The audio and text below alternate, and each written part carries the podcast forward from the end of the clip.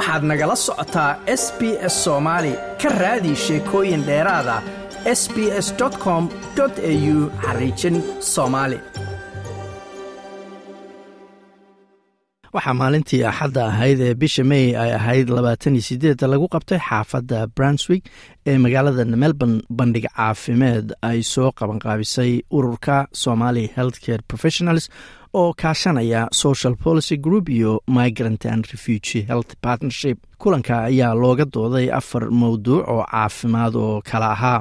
Qeybta koowaad ayaa looga hadlay habnololeedka caafimaadka qaba sida in qofku cunto fiican oo caafimaad qabta cuno uuna socdo ama jimicsado. Qeybtaas oo lifestyle loo bixiyey. Qeybta labaad ayaa looga hadlay caafimaadka haweenka. Tan saddexaad ayaa looga dooday xanuunada dhimirka halka qeybta ugu dambeysayna looga hadlay talaalka gaar ahaan talaalka covid waxaan goobta kula kulanay oo kula hadalnay qaar ka mid a qabanqaabiyayaasha barnaamijkan iyo dad kale oo ka soo qayb galay. Asalaamu calaykum magacayga waa umul kheyr ani waxaan ahay umulise ku nool wadanka melbourne. Waxaana waa ka mid ahay dadka bartaan research ama caafimaadka si loo kala barto. Ani waxaan ka maanta barnaamijaan qaban oo loo yaqaano health expo.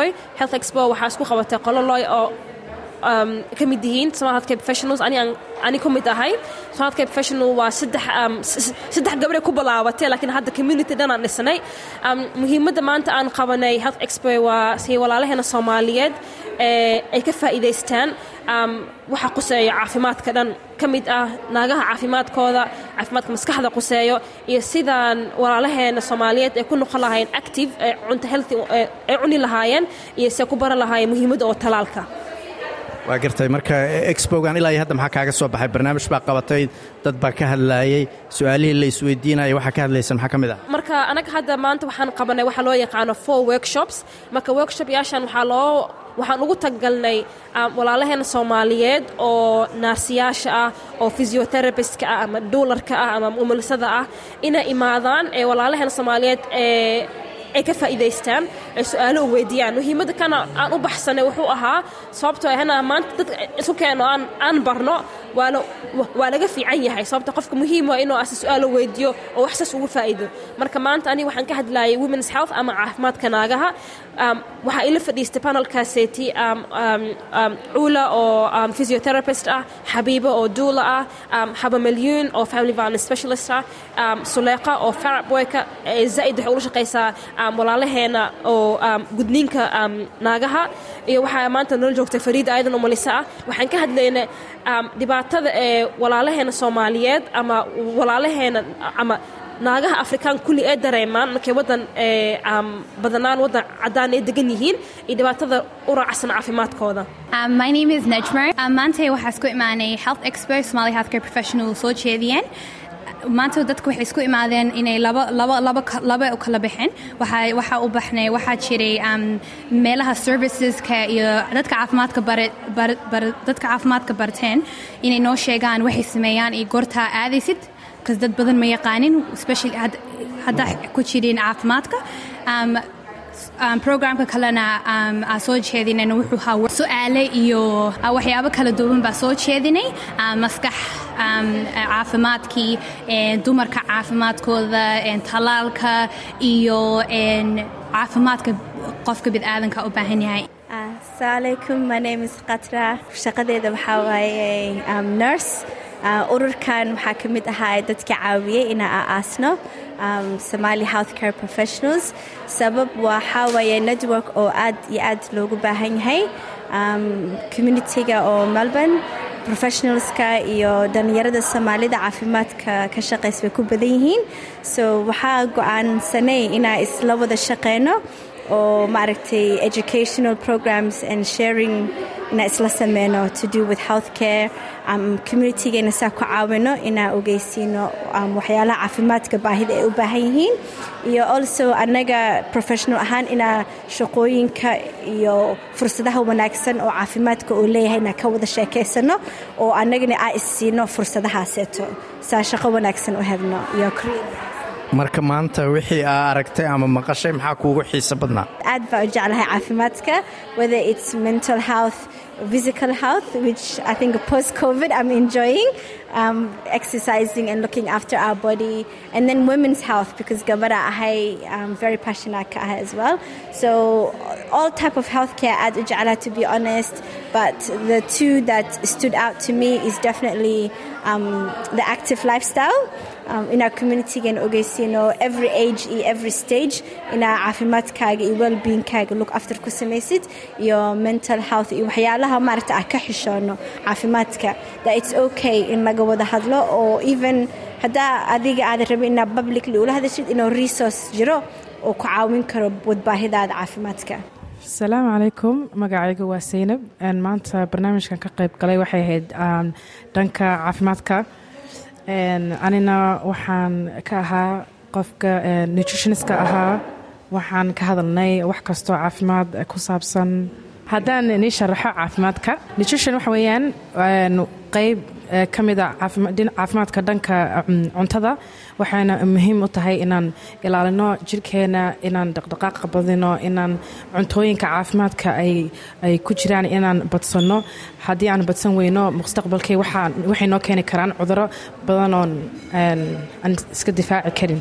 Haddaan cuntooyinka caafimaadka waxaasna aan aan badsanona waxay noo waxay naga ilaalinaysaa mustaqbalkii inaan caafimaad iyo cilmi aan ku noolaano.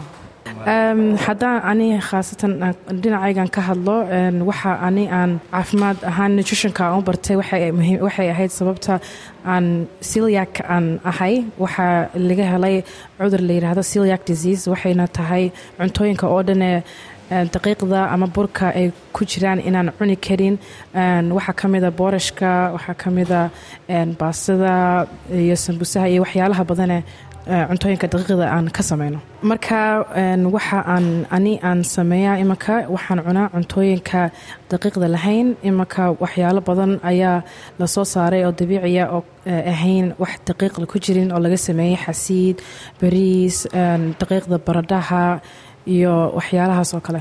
Haddii aan ka soo qaado tusaale haddaan maqaaxi aan tego waxaan u sheegay keliya wix daqiiq leh ee ku jirin ayaan dalbanayaa. Waxaa ka mida haddii iminka bariiska inta badan maqaaxyooyinka soomaalida waxay ku daraan maajiga maajigana waxaa ku jira daqiiq. Waxyaalahaas oo kale iminka marka waa inaan u sheegto aan ku yiraahdo waxyaalahaas may ku jiraan. Haddii ku jirin markaas aan dalbado. Haddii kalena waan iska ilaalinaya. Maajigana waa maraq digaaga. Waxaan ku daardaari lahaa muxuu ahaa dadkeena soomaaliyeed meel kasta ay joogaan in ay ku dadaalaan caafimaadkooga in cuntooyinka caafimaad kalena ay badsadaan.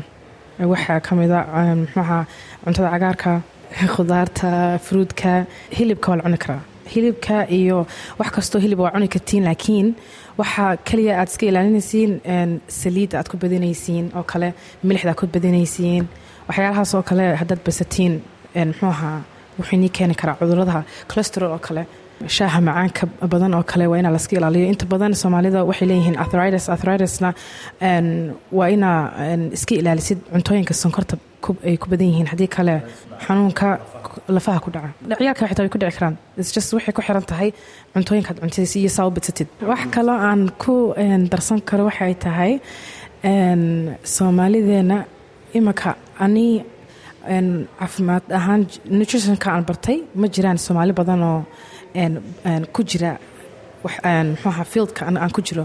Marka waxaan aniga ku dardaari lahaa soomaalida inay xooga saaraan dhinaca caafimaadka ay bartaan nutritionistka. Soomaali badan oo nutritionist ah ma jiraan. Anaa ugu horeeyaan u malaynaya haddaan aqoon u lahayn dad kale inay jiraan magaalada melbourne. Marka waalidkayga markaan u sheegay waxaan doonayaa inaan nutritionistka barto.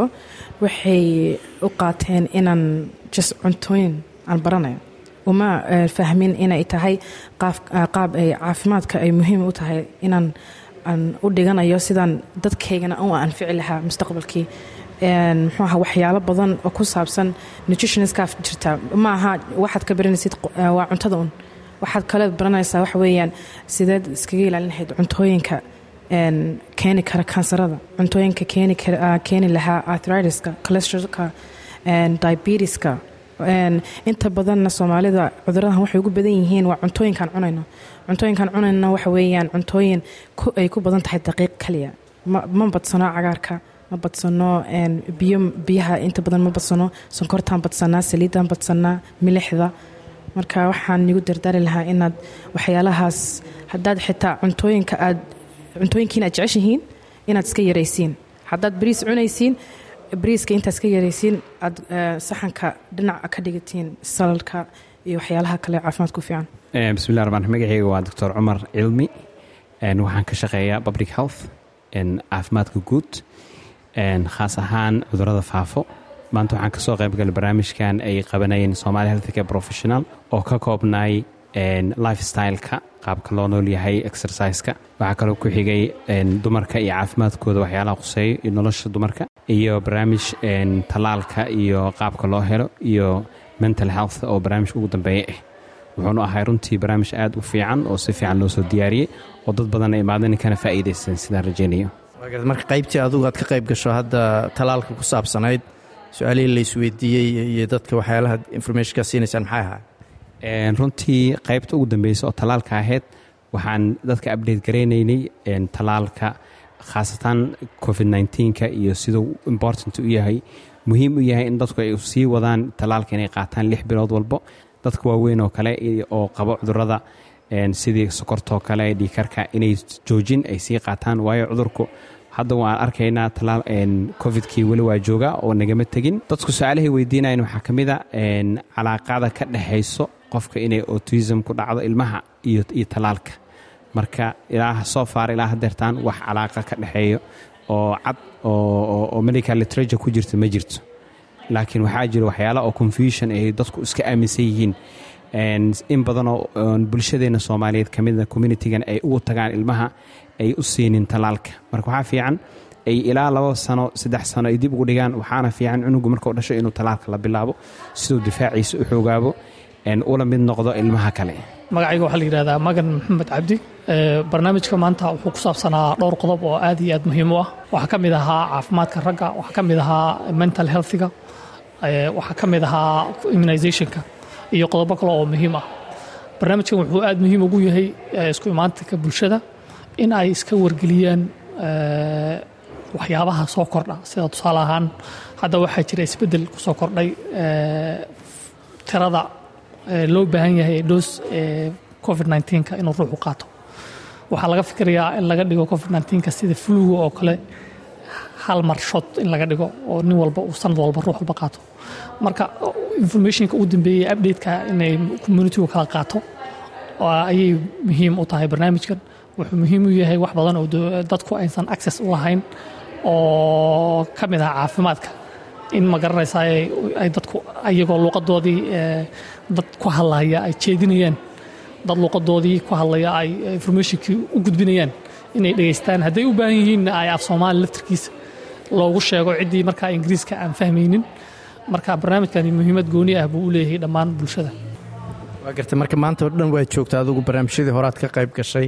Markaad dhegaysatay maxaa kuugu muhiimsanaa guud ahaan? Oo barnaamijkan aad ka maqasho maanta anigu anigoo weliba ka tirsanaa dadkii baanilistaha ahaa ee barnaamijka immunizationka soo jeedinayey waxaa run ahaantii aad ii soo jiitay arrintii ay ka hadlaysay milyuun oo ka mid ahayd baanilistayaashii u xilsaaraa barnaamijka family violenciga iyo sida ay u arkayso. Walow arrintaasi ay leedahay kala duwanaansho oon u arkaya ka bedelan sida waxyaabaha qaar sida ay milyuun u soo dhigtay. Haddana wuxuu muhiim u yahay bulshadu bal inay ogaato ugu yaraan horta. Maxaa noqonaya family violence? Maxaanse family violence ahayn? Sideese loo baahan yahay haddii bal ruuxu uu lacalla uu dareemo inuu family violence jiro? Sida ugu habboon ee uu samayn karo maxay tahay? Waddooyinka ugu habboon ee uu mari karo maxay tahay? Walow aan kaga duwanaan karo milyuun waxyaabo badan oo ay meesha ka sheegtay haddana waxay soo kordhisay oo sheegto inala wadaagtay information badan oo aad muhiim u ah oo communitygu inay ogaadaan ay muhiim tahay. Ma doonaysaa sheekooyinkan oo kale? Ka dhegayso apple podcast google podcast spotify ama meel kasta oo aad bodkastigaaga ka hesho